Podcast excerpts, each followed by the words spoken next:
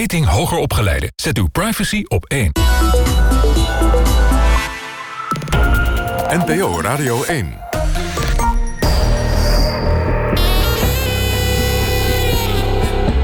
Argos.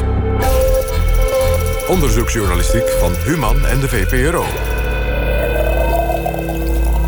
Tessel Blok. Goedemiddag, welkom bij Argos, het onderzoeksprogramma op NPO Radio 1. Goedemiddag. De politie in Turkije denkt dat Jamal Khashoggi, een prominent Saoedi-journalist, is vermoord in het consulaat van Saoedi-Arabië in Istanbul. De redactie van de Panorama is beschoten met een anti-tankwapen. En daarvoor is een man opgepakt. Een lid van een criminele motorclub. En mogelijk heeft die aanslag te maken met een publicatie eerder dit jaar in Panorama. Op Malta is een bekende onderzoeksjournalist om het leven gekomen door een autobom. Toen ze vandaag wegreed van huis ontplofte haar auto. De wagen slingerde tientallen meters door de lucht en kwam in een veld terecht. Premier Muscat noemde de aanslag een barbaarse aanval op de persvrijheid. Weer is een nieuwsredactie in Amsterdam doelwit van een aanslag. Minder dan een week na de raketbeschieting op het pand van Panorama is nu de Telegraaf het slachtoffer. Diep in de nacht boort een witte bestelauto zich in de gevel van het hoofdkantoor. De auto wordt daarna in brand gestoken. Misdaadjournalist John van de Heuvel mag voorlopig niet fysiek aanwezig zijn... bij de uitzendingen van RTL Boulevard vanaf het Leidseplein in Amsterdam. Van den Heuvel wordt al enige tijd bedreigd. In december werd bekend dat er vanuit motorclub No Surrender... geld op zijn hoofd gezet zou zijn. U hoort het, het wordt er niet makkelijker op om journalist te zijn. Althans, als je je beweegt in bepaalde kringen of landen. Die bizarre moord vorig jaar op Kamal Khashoggi kritisch journalist uit Saoedi-Arabië, is daar maar één voorbeeld van. Van Malta tot Mexico werden vorig jaar verslaggevers vergiftigd, doodgeschoten of opgeblazen. En ook hier in ons eigen land worden journalisten bedreigd en geïntimideerd, vooral als ze zich ingraven in criminele zaken. Welke invloed heeft dreiging en intimidatie op de journalistiek? En loont het eigenlijk om een journalist als Khashoggi te vermoorden? Sterft daarmee ook het verhaal? Hier in de studio bij mij zitten Jan Meijers, misdaadjournalist van NRC Handelsblad. Welkom. Frederike Geerding, freelance journalist met als standplaats Iraks Koerdistan, maar nu dus eventjes hier standplaats Hilversum. En via een lijn Thomas Bruning, secretaris van de MVJ, de Nederlandse Vereniging van Journalisten. Welkom. Goedemiddag, hoi. Thomas hoor ik ook. Frederik, met jou te beginnen. Je bent nu dus even in Nederland. Je woont en werkt in uh, Iraks Koerdistan. Ja. Vorige week schreef je in Vrij Nederland een groot artikel. Uh, eigenlijk met als kern de vraag of het vermoorden van een journalist effectief is. Wat een nare vraag om, op, om voor op onderzoek uit te gaan. Beetje raar. Ja, een beetje raar vraag. je dat? Ja, het, het kwam eigenlijk uh, voort in eerste instantie uit uh, mijn eigen uitzetting uit Turkije in 2015. Ik zat daar ook in Koerdistan. Als enige buitenlandse journalist had ik daar mijn standplaats. En toen dacht ik, um, het zou heel fijn zijn als andere journalisten daar naartoe blijven gaan en dat verhaal van die, uh, van die Koerdische kwestie blijven vertellen. En dat is deels wel gebeurd, maar deels ook niet. En ik dacht van Um, ja, toen ben ik gaan onderzoeken. Stel nou dat er een journalist is die zijn of haar verhaal niet meer kan vertellen. Wat kunnen anderen dan doen om dat toch te blijven vertellen? En dan kom je toch al heel snel uit bij journalisten die echt uh, letterlijk het zwijgen zijn opgelegd. Want ik kan natuurlijk gewoon doorwerken. Jij leeft natuurlijk in, in nog, uh, maar je bent wel in fysiek, een luxe positie. Ja. Wel fysiek op, op, op, uh, op afstand gezet. Ja, je komt dat land ja. nooit meer in op nee, verdenking precies. van PKK-sympathie of whatever. Ja, ja. Uh, dus je kan ook niet meer bij je bronnen. En wil je, bedoel je daarmee dat het hen uiteindelijk dan toch gelukt is om jou. Ja, in zekere zin is het, het effectief. Ik ben vervolgens een heel boek over de PKK gaan schrijven. Dus dat was ook wel weer mijn wraak, zeg maar. maar. Uh, en nu zit ik in Iraaks-Koerdistan. Dus Koerdistan is groter dan een stukje wat in Turkije ligt. Maar dat was wel het begin van mijn, van mijn zoektocht. Mm -hmm. um, ik heb ook bijvoorbeeld gesproken met de ouders van Kim Wall, de, de journaliste die in Denemarken door de onderzeeboot uh, meneer is vermoord.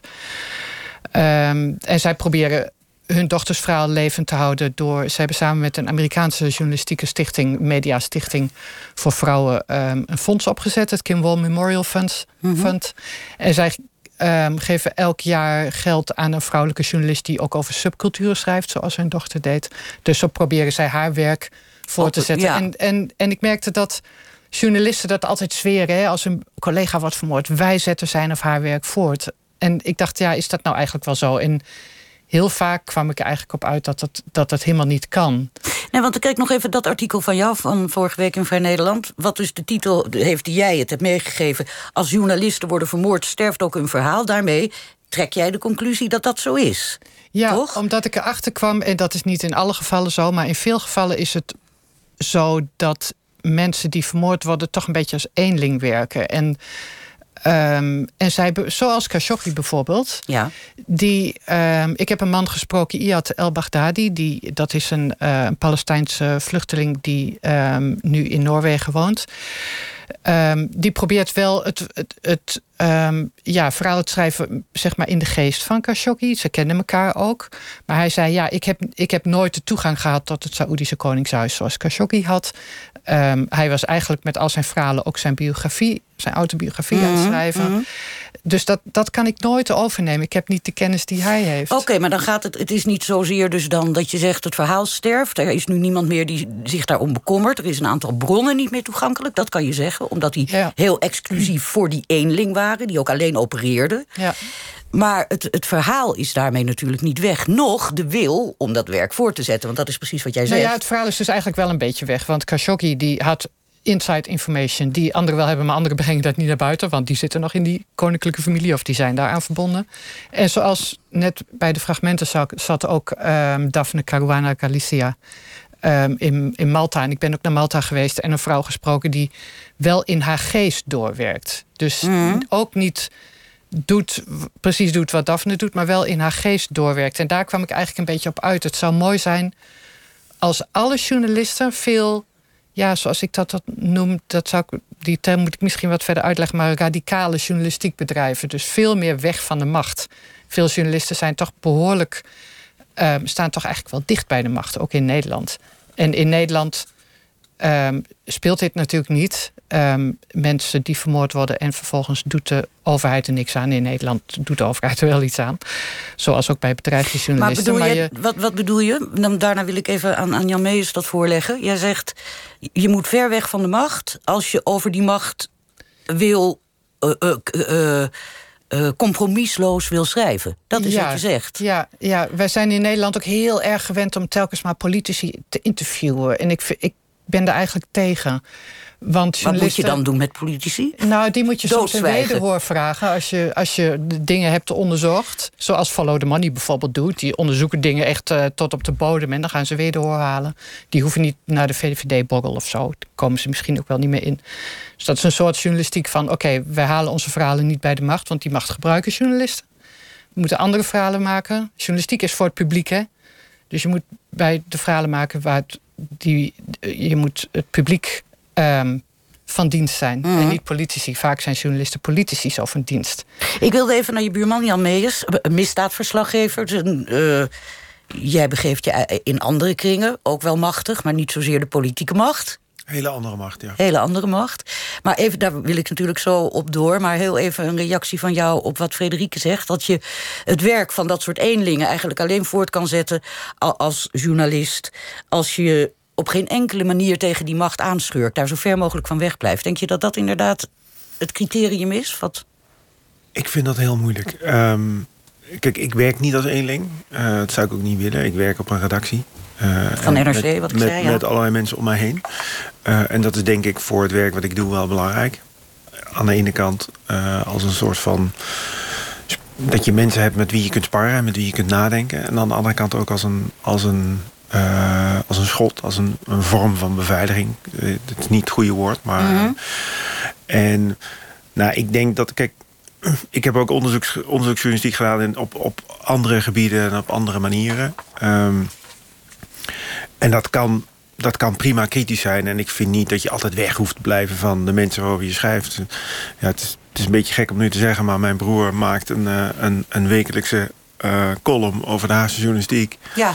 En dat is buitengewoon goed geïnformeerd. Maar zeker niet altijd eh, pro... Dat is Jan, maar dan met Tom. Dat is Tom Jan, ja. Ja. maar dat is, niet, al- dat is niet per definitie pro-macht. Dat is, dus dat is goed geïnformeerd vanuit een heel specifiek eh, gebied naar die wereld kijken. Ehm, en dat is niet per se altijd goed of altijd slecht. Eh, dat is wat het is. En je moet goede journalistiek is goed geïnformeerde journalistiek en onafhankelijke journalistiek. Dus ook als jij een insider bent, moet je natuurlijk niet schuwen om vijanden te maken. Dat dat in de wereld waar jij werkt anders werkt, dat, dat begrijp ik. Dan En- hier in Nederland. Dan hier in Nou Nederland. ja, dat is wel een heel belangrijk ja. verschil Ja. natuurlijk. Hè? In Nederland, als, als er eh, misdaadjournalisten bedreigd worden... Dan, dan treedt de overheid daar tegenop en dan word je beschermd. Maar ik denk als je in andere landen zoals Malta, zoals eh, Mexico... Zoals Nee, maar daar is je vijand de overheid in plaats van... Ik Precies. bedoel, daar komt en dan ik denk, bedreiging als je dan vandaan. Allemaal zulke soort journalistiek zou doen... als je dat ook in Nederland, ook in landen waar wel democratie is... meer ja, daar radicaler in zou zijn... dan is er voor de, ehm, voor de bad guys zeg maar, geen beginnen meer aan... om journalisten te gaan vermoorden die ze tegenzitten... want dan zijn het er gewoon te veel. Jan, eh, ehm, jij werkt al, zoals gezegd, voor NRC als misdaadjournalist. Jouw collega's van Parool en Telegraaf, respectievelijk Paul Vugts en John van der Heuvel... die worden al enige tijd zwaar bedreigd, worden dus ook zwaar bewaakt. Eh, bedreigd vanuit die misdaadwereld, vanuit die drugswereld. Jij schrijft ook over de cocaïnemafia. Eh, Word jij niet bedreigd? Nee, ik ben hier gewoon eh, rustig in mijn eentje naartoe gekomen. Overigens, eh, collega van den Heuvel wordt nog steeds bedreigd en zwaar bewaakt. Eh, Paul, Paul is- Paul Vugts niet meer, Nee, godzijdank. nee. voor Ja, hem zeker. en zijn omgeving. Maar wat zou het zijn? Ga je dan aan jezelf twijfelen? Aan je capaciteit en je kwaliteit? Dat, ze, dat, dat jij je- maar dat niks niet- hoort? Dat ik niet bedreigd word. Ja. Eh, zo heb ik er nog niet naar gekeken, in, in alle eerlijkheid. Nee, ik, ik, eh, ja, goed, ik bedrijf zeg maar, misdaadjournalistiek op mijn manier. En dat is denk ik bij tijd en iets afstandelijker dan eh, de collega's dat doen. Dus één stapje terug. En ik heb voor mezelf een aantal uitgangspunten. En dat is niet zo van, eh, nou jongens, hier is de lijst van mee is en eh, zo moet het. En als je het zo niet doet, dan is het niet goed. Zo is dat niet. Maar ik kijk op mijn manier naar die wereld. En ik doe het, doe het op mijn manier. En ehm, ja, misschien dat ik soms dingen anders doe dan eh, collega's. En eh, misschien heb ik gewoon geluk gehad. eh, dat ik niet tegen de verkeerde pier ben aangelopen. Dat, dat, dat, dat is gewoon heel moeilijk om dat te zeggen. Ben je Maar- bang wel eens? Nou, als je ziet naar wat er met de collega's gebeurt... want het is wat je zegt, misschien heb je tot nu toe mazzel gehad. Nou, ik bang. Nou, als je echt bang bent, dan moet je volgens mij stoppen. Want dan, dan dat, dat is echt eh, de, de, de verkeerde prikkel. Maar ik ben wel voorzichtig. En ik merk wel dat en naarmate de, de, eh, als collega's bedreigd worden... of als er zeg maar, die aanslagen, het panorama en, en het gebouw van de Telegraaf... als dat soort dingen gebeuren, dan, dan word je natuurlijk wel omzichtiger. Ja. En ik ben me En met omzichtiger bedoel je dan... Wat bedoel je dan? Bedoel je dan dat je bepaalde dingen misschien toch niet publiceert? Nou, ik, met omzichtig bedoel ik een paar dingen. Dat wil zeggen dat ik wel goed om me heen kijk. En dat ik als ik een gekke auto voor de deur zie staan bij mij thuis... een paar dagen achter elkaar, dat ik me afvraag wat voor auto is dat. Oké, op die manier daar let, daar let ik op. Begrijp ik. En, en, maar eh, niet zozeer dat je je nog eens over je hoofd krabt... en denkt, zal ik, je, laat ik dit eigenlijk nu maar niet opschrijven. Jazeker, dat is onderdeel daarvan. Dus, Hmm. dus ehm, eh, deze vorm van bedreiging zoals, die, zoals we die het afgelopen jaar... of anderhalf jaar in Nederland hebben meegemaakt... overigens niet uniek. In, in het verleden zijn er ook al een aantal periodes geweest... waarin dat gebeurd is. Maar dat betekent ook wel dat je heel goed nadenkt over... wat kan ik wel opschrijven, wat kan ik niet opschrijven. En je weet soms ook dat je eh, dingen weet waarvan je denkt, nou, laat maar even, laat maar even niet doen. Dat is Hmm. niet het goede moment. En, mijn, en een van mijn regels is dus, je, in, in dit vak van de misdaadjournalistiek... moet je niet te ver voor de muziek uit willen lopen. Oké. Dus je, je, je, eh, je onderzoeksjournalistiek richten op de misdaad om dan zeg maar, de misdadiger te ontmaskeren... voordat de politie en het Openbaar Ministerie dat doen... dat is per definitie jezelf in gevaar brengen. Ja. Eh, en ik, als mensen dat willen doen en eh, dat kunnen... En, dan heb ik daar veel bewondering voor. Maar dat is wel iets waarvan ik wegblijf. Oké. Is dat, is dat een van de dingen waarbij je denkt, daar, dat ga ik niet publiceren? Of zijn het ook wel eens andere dingen? Want het lijkt me zo lastig, omdat er waarschijnlijk niet Nou, dit is een heel concreet iets. Maar waarschijnlijk is er niet een lijstje van... dat kan ik niet doen, dat kan ik... Nee, maar je weet op een gegeven moment wel... als je, zeg maar, als je over een groep mensen schrijft... Kijk, je moet natuurlijk goed geïnformeerd zijn. Dus je moet weten wat je doet. Daar begint het daar, mee. Daar begint het dus echt mee. En, en op het moment dat je niet eh, kunt overzien wat de consequenties zijn van bepaalde eh, acties en handelingen. En dus ook van bepaalde publicaties van bepaalde stukken. Dan, dan, eh, nou ja, dan dat betekent dat moet je twee keer na gaan denken. Dus dan ga je met die stukken navraag doen van zeg, wist jij dit?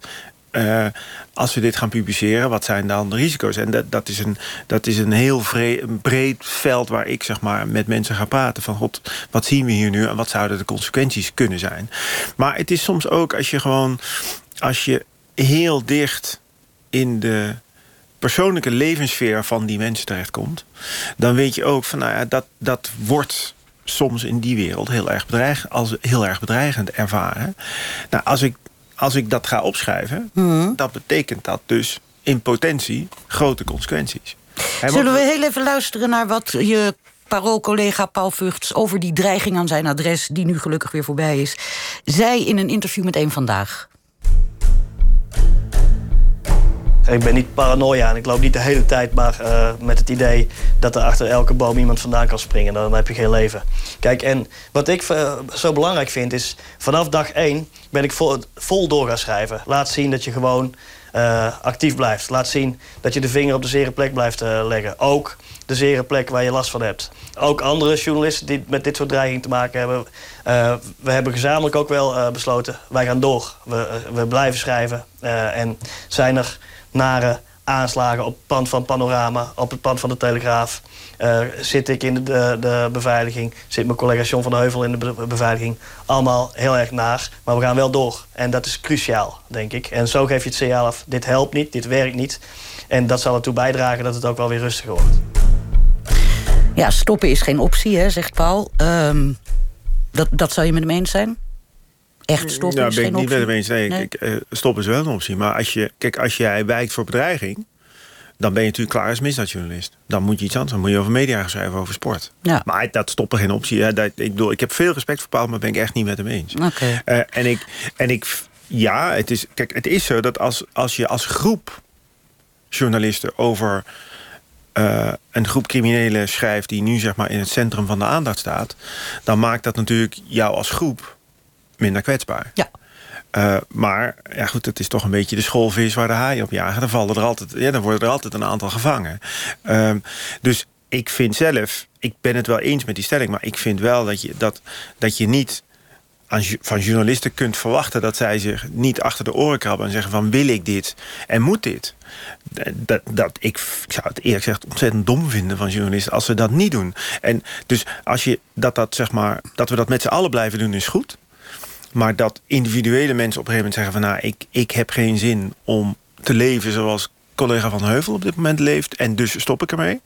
Ik zou daar geen, eh, eh, ik zou daar geen vragen bij stellen. Oké, Frederik, jij wel, denk ik? Of niet? Nou ja, jij, nee, jij lijkt, bent- mij ook een, lijkt mij ook een legitieme keuze. Iedereen maakt zijn Nee, eigen nee, de, de keuze is Ja. legitiem. Maar jij kan, eh, dat bleek ook uit, uit jouw artikel in Vrij Nederland... heel erg begrip opbrengen en ook er- vooral ehm, bewondering opbrengen... voor die eenlingen die zo compromisloos te werk blijven gaan... en niet meer kunnen stoppen omdat ze dat echt als hun levenstaak zijn gaan, zijn gaan opvatten... om Ja. iets aan de kaak te stellen. En Ja. daarmee, ja, eh, ja een Ja, voor hun is het echt geen optie. Zoals bijvoorbeeld eh, Caroline Muscat, die... eh, Malta hebben we ja, het nu over. Malta is dat inderdaad. Die een website heet, heeft The Shift, waarin ze in, in de geest dus doorgaat van, ehm, van Daphne Caruana Galicia.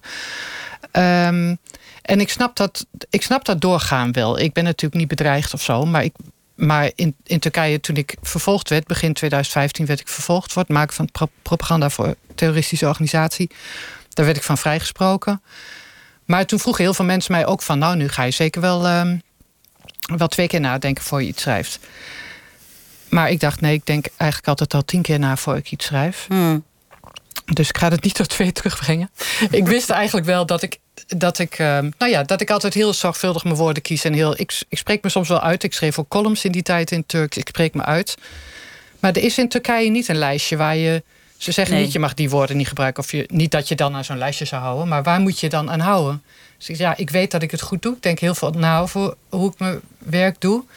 Ik, er zijn maar twee opties. Of ik ga door, of ik stop helemaal. Er is niet een andere, andere manier van journalistiek. Want dit is hoe ik het doe. Ja. En volgens mij volg ik alle regels van het vak. En stoppen is voor mij... Ik ga niet een ander vak doen. De journalist, dat is wie ik ben gewoon.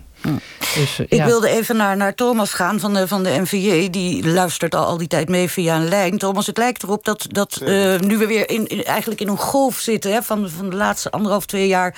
van veel bedreigingen, intimidatie, pogingen daartoe in elk geval... dat het ook nu tot de overheid is doorgedrongen, de ernst daarvan. Ik wilde, voordat we het daarover gaan hebben... heel even luisteren naar wat premier Mark Rutte en Josias van Aartsen... die toen, vorig jaar interim burgemeester was van Amsterdam... te zeggen hadden over uh, de aanslagen op Panorama en de Telegraaf. Ieder moet kunnen schrijven wat je schrijven wil. Dat is essentieel voor een democratie. En dit is dus een aanslag tegen de krant, tegen journalisten die dingen schrijven waar men het kennelijk dan niet mee eens is. Er is veel onrust in de wereld. Er is echt iets aan de hand rondom Nederland. Uh, dat betekent dat juist ook de media een hele grote rol hebben om ons allemaal goed te informeren. Mensen zoals mij extreem kritisch te volgen. Uh, en je mag je dus nooit in die rol geïntimideerd voelen. Stevige woorden. Je mag je nooit geïntimideerd voelen. Doet de overheid er voldoende aan, Thomas, vind je... om journalisten te beschermen? Echt als een, als een, als een uh, beroepsgroep te zien... die meer bescherming nodig heeft? Nou, ik denk als je net met, met een gast als Frederik Geerding aan tafel... Uh, als je dan de vergelijking legt tussen een land als Nederland... En, en landen waar zij actief is, hè, of dat nou Turkije of Irak is... dan zijn we natuurlijk in de gezegende situatie dat Nederland inderdaad goed de media uh, beschermt. Hè. En zeker als het om ernstige bedreigingen gaat... zoals aan het adres van Van der Heuvel of, of de redactie van Panorama of Telegraaf dan, dan hoef je je daar geen zorgen om te maken. Dan komen ze meteen uh, in actie. En, en dan merk je dus ook dat er alles in het werk wordt gedaan wordt gezet om, om, om ook dat signaal af te geven... journalisten moeten hun werk kunnen doen. -hmm. Het is wel zo dat, dat natuurlijk op het moment dat het heel complex wordt... en dat zie je bij John van der Heuvel natuurlijk ook... het moment dat hij ook live in uitzendingen van RTL Boulevard moet verschijnen... Ja, dat het dan opeens wel weer dan wordt het wel een hele grote inspanning die wordt gevraagd van de overheid. Maar, hè, en dan wordt er eigenlijk gezegd, ja jongens, maar dan als we nu nog steeds John moeten beschermen... Terwijl die op het Leidseplein in de studio van RTL Boulevard moet komen... ja, dan wordt het opeens wel een stukje moeilijker. en, en het is natuurlijk heel belangrijk dat ook in situaties waarin het moeilijker is... toch die lijn steeds overeind blijft. Hè? Van, er mag niet vanuit de overheid een soort signaal komen dat dat bedreiging loont. Hè? Dat, dat moment dat je zegt van nou jongens, als we maar flink, flink bedreigingen inzetten... nou dan krijgen we toch uiteindelijk die journalisten wel uit, dat, uit bepaalde programma's... of uit bepaalde okay, situaties en, weg. En, maar, en is dat ook inderdaad door, doorgedrongen in, in Den Haag? Dat er dus misschien... Ja, dat, ik denk, dat we even nu in een andere tijd dus, zitten... waardoor er misschien iets anders nodig is dan tot nu toe ja, het geval dus was? Over het algemeen zou ik zeggen, hè, en dat krijgen wij ook terug van John van Heuvel... en ook van Paul Vugts, die daar natuurlijk mee te maken hebben gehad... is er echt, wordt er flinke inspanning getroost om er echt voor te zorgen... jongens, ze moeten door kunnen gaan met hun vak. En dat zit eigenlijk aan twee kanten. Zowel hè, is dat ontzettend goed dat Paul en John dat zelf zeggen en doen... Uh, de redacties, hè, de bedrijven die daarachter zitten, die steunen dat ook... En heel duidelijk ook, hè, uh, uh, politie en, en justitie zorgen er ook voor dat dat in zijn algemene termen kan. Wat in Nederland meer, meer een probleem is... en wat ook onderzocht is hè, in 2017 door professor Brennick Meijer en Marjolein Oudekerke... is dat natuurlijk die bedreiging, die intimidatie van journalisten... ook verder gaat dan die, die high-level crime, zullen maar zeggen. Dus dat zit ook op het niveau van social media. Dat zit op het niveau van uh, uh, fysieke bedreigingen in probleemwijken. Hè. Dus, dus, dus, en, en daaruit bleek dat het probleem dus eigenlijk verder gaat dan die heftige bedreigingen aan het adres van, van misdaadjournalisten. Dus, dus ook op straat, eh, ook in het digitale verkeer... Mhm. eh, merk je dat er toch pogingen worden gedaan... meer dan in, in, in, in, voor, in, la- in la- jaren daarvoor. Ja, dat wilde ik even Jan, Jan Meijers toch, eh, voorleggen. Dat er, is wel een verschil met eerdere periodes... waarin er ook wel dre- dreigementen waren en zo. Het lijkt toch dat het, het is wijder verspreid, ook door de social media... maar het is toch ook wel harder en heftiger, lijkt het... dan het was in de... oh, Haha, de goede oude tijd, alsof er ooit een goede oude tijd in criminaliteit kan bestaan, maar dat het allemaal nog wel aardig leek. Ik En- weet niet, ik, ik denk als we hier Bart Middelburg zouden, eh, aan, aan de tafel zouden hebben... en hij zou vertellen hoe hij in die tijd bedreigd is door... Dat was een voorganger van Paul Vugts, hè, bij het Parool. eh, bij het Parool eh, door Klaas Bruinsma in de zijne in eind jaren 80, begin jaren 90. Dan denk ik dat dat niet... Nou, dan denk ik dat we daar ook nu nog heel erg van zouden schrikken. En Mhm. ik, ik begreep zeg maar uit gesprekken voor deze uitzending... dat oud Telegraaf-collega Kees Koring, als ik zijn naam nu goed uitspreek... eh, dat die ooit eens in elkaar geslagen is door iemand. Dus eh, het, eh, kijk, de, de, de, de, de tijd is anders eh, omdat het geld waarmee, we, zeg maar, waarmee criminelen eh, eh, zeg maar dealen, dat is groter geworden. Dus die belangen zijn daar veel groter. Dus dat speelt denk ik een rol. Ehm, social media, ja, goed, kijk, de samenleving is anders geworden. Wij, de, eh, de, de, de, de omgangsvormen zijn minder genuanceerd en minder beleefd dan twintig jaar geleden. Dat is, dat is een feit. En dat betekent dus ook dat als je nu een wijk intrekt met een cameraploeg eh, om eh, of een reportage te maken over eh, zeg maar ja, in, in bepaalde eh, immigrantenwijken of in, in, een, in een echte PVV-buurt, dan zal je dat soms niet in dank worden afgenomen. Maar goed, ik kom uit Brabant. Brabant is een, is, daar is de afgelopen 30 jaar, als het gaat over de misdaad, echt heel veel veranderd. Maar bepaalde dingen zijn ook helemaal niet veranderd. Dus Ja, maar echt, in de vogeltjesbuurt veel- lopen nu Ja? is net zo, is net zo eh, eh, voor op een bepaalde manier net zo bedreigend en net zo voor een buitenstaander gek als dat 30 jaar geleden was. Hmm. Dus om dat nou te zeggen dat het vroeger ik allemaal minder niet was. ik helemaal, niet. Thomas?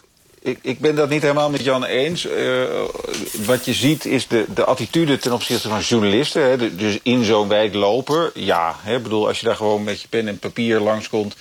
eh, dan kan dat ook bij wijze van spreken tot op zekere hoogte. Als je daar een, eh, opvalt, bij wijze van spreken, kan dat net zo bedreigend zijn. Wat er, wat er wel echt is veranderd, is dat de manier waarop er naar journalisten wordt gekeken... ehm, en dat heeft ook met het politieke klimaat te maken. Dat heeft, eh, journalisten worden toch echt meer als een soort partij gezien. en dus daarmee ook als een doelwit. Eh, in bepaalde situaties. Nou, dat, En daar, daar eh, helpt Trump dus- dan inderdaad niet bij, hè, door te zeggen dat de journalisten de Nee, vijanden daar van het, helpt volk, Trump niet bij. volk. Ja. Precies, hè, daar helpt Erdogan, maar ook, ook eh, ik zou maar zeggen, de populistische partijen in Nederland helpen daar niet bij. eh, omdat het eh, heel duidelijk echt wordt gezegd van jongens, het, de journalist is daar niet als waarnemer, hè, als iemand die ook ergens verslag van doet.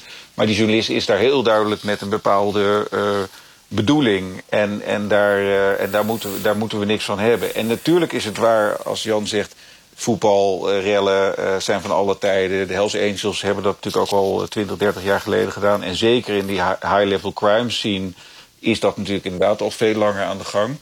Eh, maar wij merken wel, en dat bleek ook echt uit het onderzoek... dat het toch toegenomen is en dat het ook zeg maar, eh, een chilling effect heeft op journalisten... die, eh, en dat is een andere ontwikkeling die ook aan de gang is... eh, die vaker alleen moeten opereren. Hè, die dus niet meer eh, vanuit redacties in vaste dienst bij spreken werken... maar veel meer als freelancer en kwetsbaarder in hun eentje. Ja. Dat is ja, waar- dat, dat is wel degelijk ook Dat is wat Frederik, waar Frederik het eigenlijk ook over heeft. Hè? Die heeft het voornamelijk in dat, in Ja, dat ja, verhaal nee, over dus die ik- mensen. ik- ja. Absoluut. Dus ik, ik herken natuurlijk wat zij zegt. En, en gelukkig dus in Nederland niet situaties waarin dat tot moorden leidt. Maar wel eh, dat dat eh, alleen optreden. Ik denk dat er een heel duidelijk eh, advies is wat we ook, waar we nu mee bezig zijn. Om te kijken van hoe kan je dat nou, hoe kan je die, hoe kan je nou die positie van de journalisten versterken. Is natuurlijk inderdaad bundel die krachten. Hè. Zorg dat je niet in je eentje eh, naar die gevoelige plek gaat. Zorg dat die kennis bij meer mensen aanwezig Wat, is. wat, vooral sorry Thomas dat ik je even onderbreek. redactie- Sorry dat ik je even onderbreek. Je Ja. zegt het is het advies waar we mee bezig zijn. Komt ineens uit de lucht vallen. Of wat, wat voor advies is dat? En met wie? Nou en... Eh, Ja, ja, kijk, we hebben dus na dat onderzoek van Brennickmeijer... waarin eigenlijk bleek dat, dat meer dan 60% van de ondervraagde journalisten... professionele journalisten zei... ja, ik heb wel eens met bedreiging of geweld te maken gehad. En ja, dat kan soms leiden tot het feit dat ik ook bepaalde situaties uit de weg ga. Hè, Dus echt wel invloed heeft op de inhoud van het werk, ja? Exact. Ja. Toen is er ook gezegd, nou ja, daar, daar moeten we wat mee. Hè. Dus we, moeten, we kunnen niet alleen maar denken, nou, het is belangrijk onderzoek... en we gaan weer door met ons werk. Dus toen hebben we eh, eigenlijk als hoofdredacties, NVA... eh, maar ook politie en justitie gezegd... kijk eens, als dit zo is... en wat bijvoorbeeld ook uit het onderzoek bleek... is dat, dat politie en justitie niet altijd aangiftes... of eh, eh, meldingen van journalisten serieus namen... dan moeten we dus de handen ineen slaan en kijken van... dat zowel politie en justitie meer prioriteit moeten geven... als er aangifte wordt gedaan of als er meldingen van bedreiging wordt gedaan. En anderzijds dat, dat journalisten zelf ook natuurlijk meer werk moeten maken van als ze zich bedreigd voelen, dat ze daar dan ook, eh, ook echt iets mee doen. En niet denken van nou ja, het hoort wel bij het vak. Eh, en, en dat heeft geleid tot een afspraak. Dat is een, een convenant wat we hebben gesloten tussen de eh, journalistieke beroepsgroep enerzijds en politie en justitie anderzijds. Waarin we hebben gezegd, nou, en dat is afgelopen jaar ook bekrachtigd door minister Grapperhaus. Eh, aan de ene kant een belofte vanuit politie en justitie. We gaan prioriteit geven aan eh, het vervolgen zeg maar, van aangiftes. Eh, prioriteit geven als, er bedreigingen zijn... dat er ook echt Snel gehandeld meteen wordt. actie op wordt ondernomen. Ook als dat om niet high level, hè, o- eh, om mensen als John van Heuvel gaat... of de Telegraaf, waar- waarbij dat dan heel helder is. Maar ook als het in de regio gebeurt. Eh, hogere strafmaat, lik op stuk beleid. Dus, en laten zien ook aan, en dat kan het dus ook om wij, eh, eh, mensen in wijken zijn... of dat kan ook online zijn... dat je daar niet zomaar mee wegkomt met een doodsbedreiging... of met het eh, kapotmaken van iemands apparatuur of, of klappen uitdelen. Maar het betekent ook een opdracht aan redacties en aan hoofdredacties... om dus veel meer de, de mensen die voor hun werken... en de mensen die ook in kwetsbare posities werken... eh, dus bijvoorbeeld in die probleemwijken... Of, en natuurlijk uiteraard ook als het om buitenland gaat... Hè, waar natuurlijk sowieso veel linker is... dat die verantwoordelijkheid ook echt wordt gevoeld door hoofdredacties... zowel voor de mensen die ze in dienst hebben... als voor de freelancers die voor hun werken. Omdat die natuurlijk in de meest kwetsbare positie zitten. Nou, hier in Nederland hebben we dan inderdaad dus een, een- en een vakbond en een overheid... en een, de, minister, de minister van Justitie... die dan in elk geval convenanten sluiten... goed nadenken over hoe die beroepsgroep te beschermen. Eh, dat ligt anders in eh, Slowakije. Daar werd Jan Kuciak vermoord. Die was bezig toen der tijd, geloof ik, met een, een groot onderzoek naar corruptie... heel dicht bij de machthebbers van Slowakije. Man is doodgeschoten voor zijn huis. Wij hadden vorig jaar een gesprek met Drew Sullivan. Dat is de directeur van de Organized Crime and Corruption Reporting Project. Hele mond vol. We vroegen hem toen naar die moord op Jan Kuciak. En laten we even luisteren wat hij daarover te zeggen had. Unfortunately, when you cover organized crime and corruption, the history of organized crime and corruption from its earliest days has proven people will die. There's just no way around it. Natuurlijk neemt OCCRP allerlei veiligheidsmaatregelen die Sullivan niet op de radio wil vertellen. Maar er is nog een oplossing die Sullivan wil benadrukken: meer onderzoeksjournalistiek.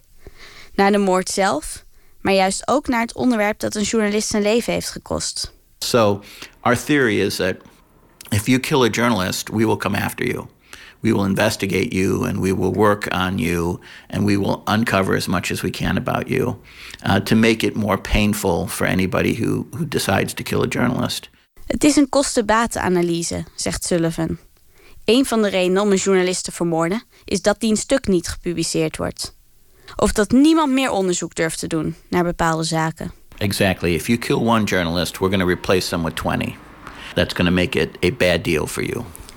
OCCRP is hiermee begonnen toen een van hun journalisten, Khadija Ismailova uit Azerbeidzjan, werd veroordeeld tot gevangenisstraf. She's one of the few independent voices left in Azerbaijan, and she she reported very heavily on the first family's involvement in you know phone companies and and all sorts of things. I mean, she was one of the ones who was hitting them really hard on corruption, and they jailed her. Um, Why? Well, their official explanation is tax evasion. It's a complete bogus uh, charge. We put 20 reporters on it, and we continued to report on corruption by the first family, and eventually she was released. En nu nemen journalisten uit verschillende landen het onderzoek van Jan Kuciak over. He was looking into uh, the Ndrangheta mafia. Um, and so we will now focus on working on the, the same stories he was working on. We will out the same people he was outing, and anybody who he was looking at is now going to get intense scrutiny. Um, because this is the only way we can stop people from killing journalists. Journalists are the only protection for journalists. Tja, als er één collega wordt doodgeschoten, staan er tien op om door te gaan met zijn werk. De enige bescherming voor een journalist is een andere journalist Ja, die dat is doorgaat.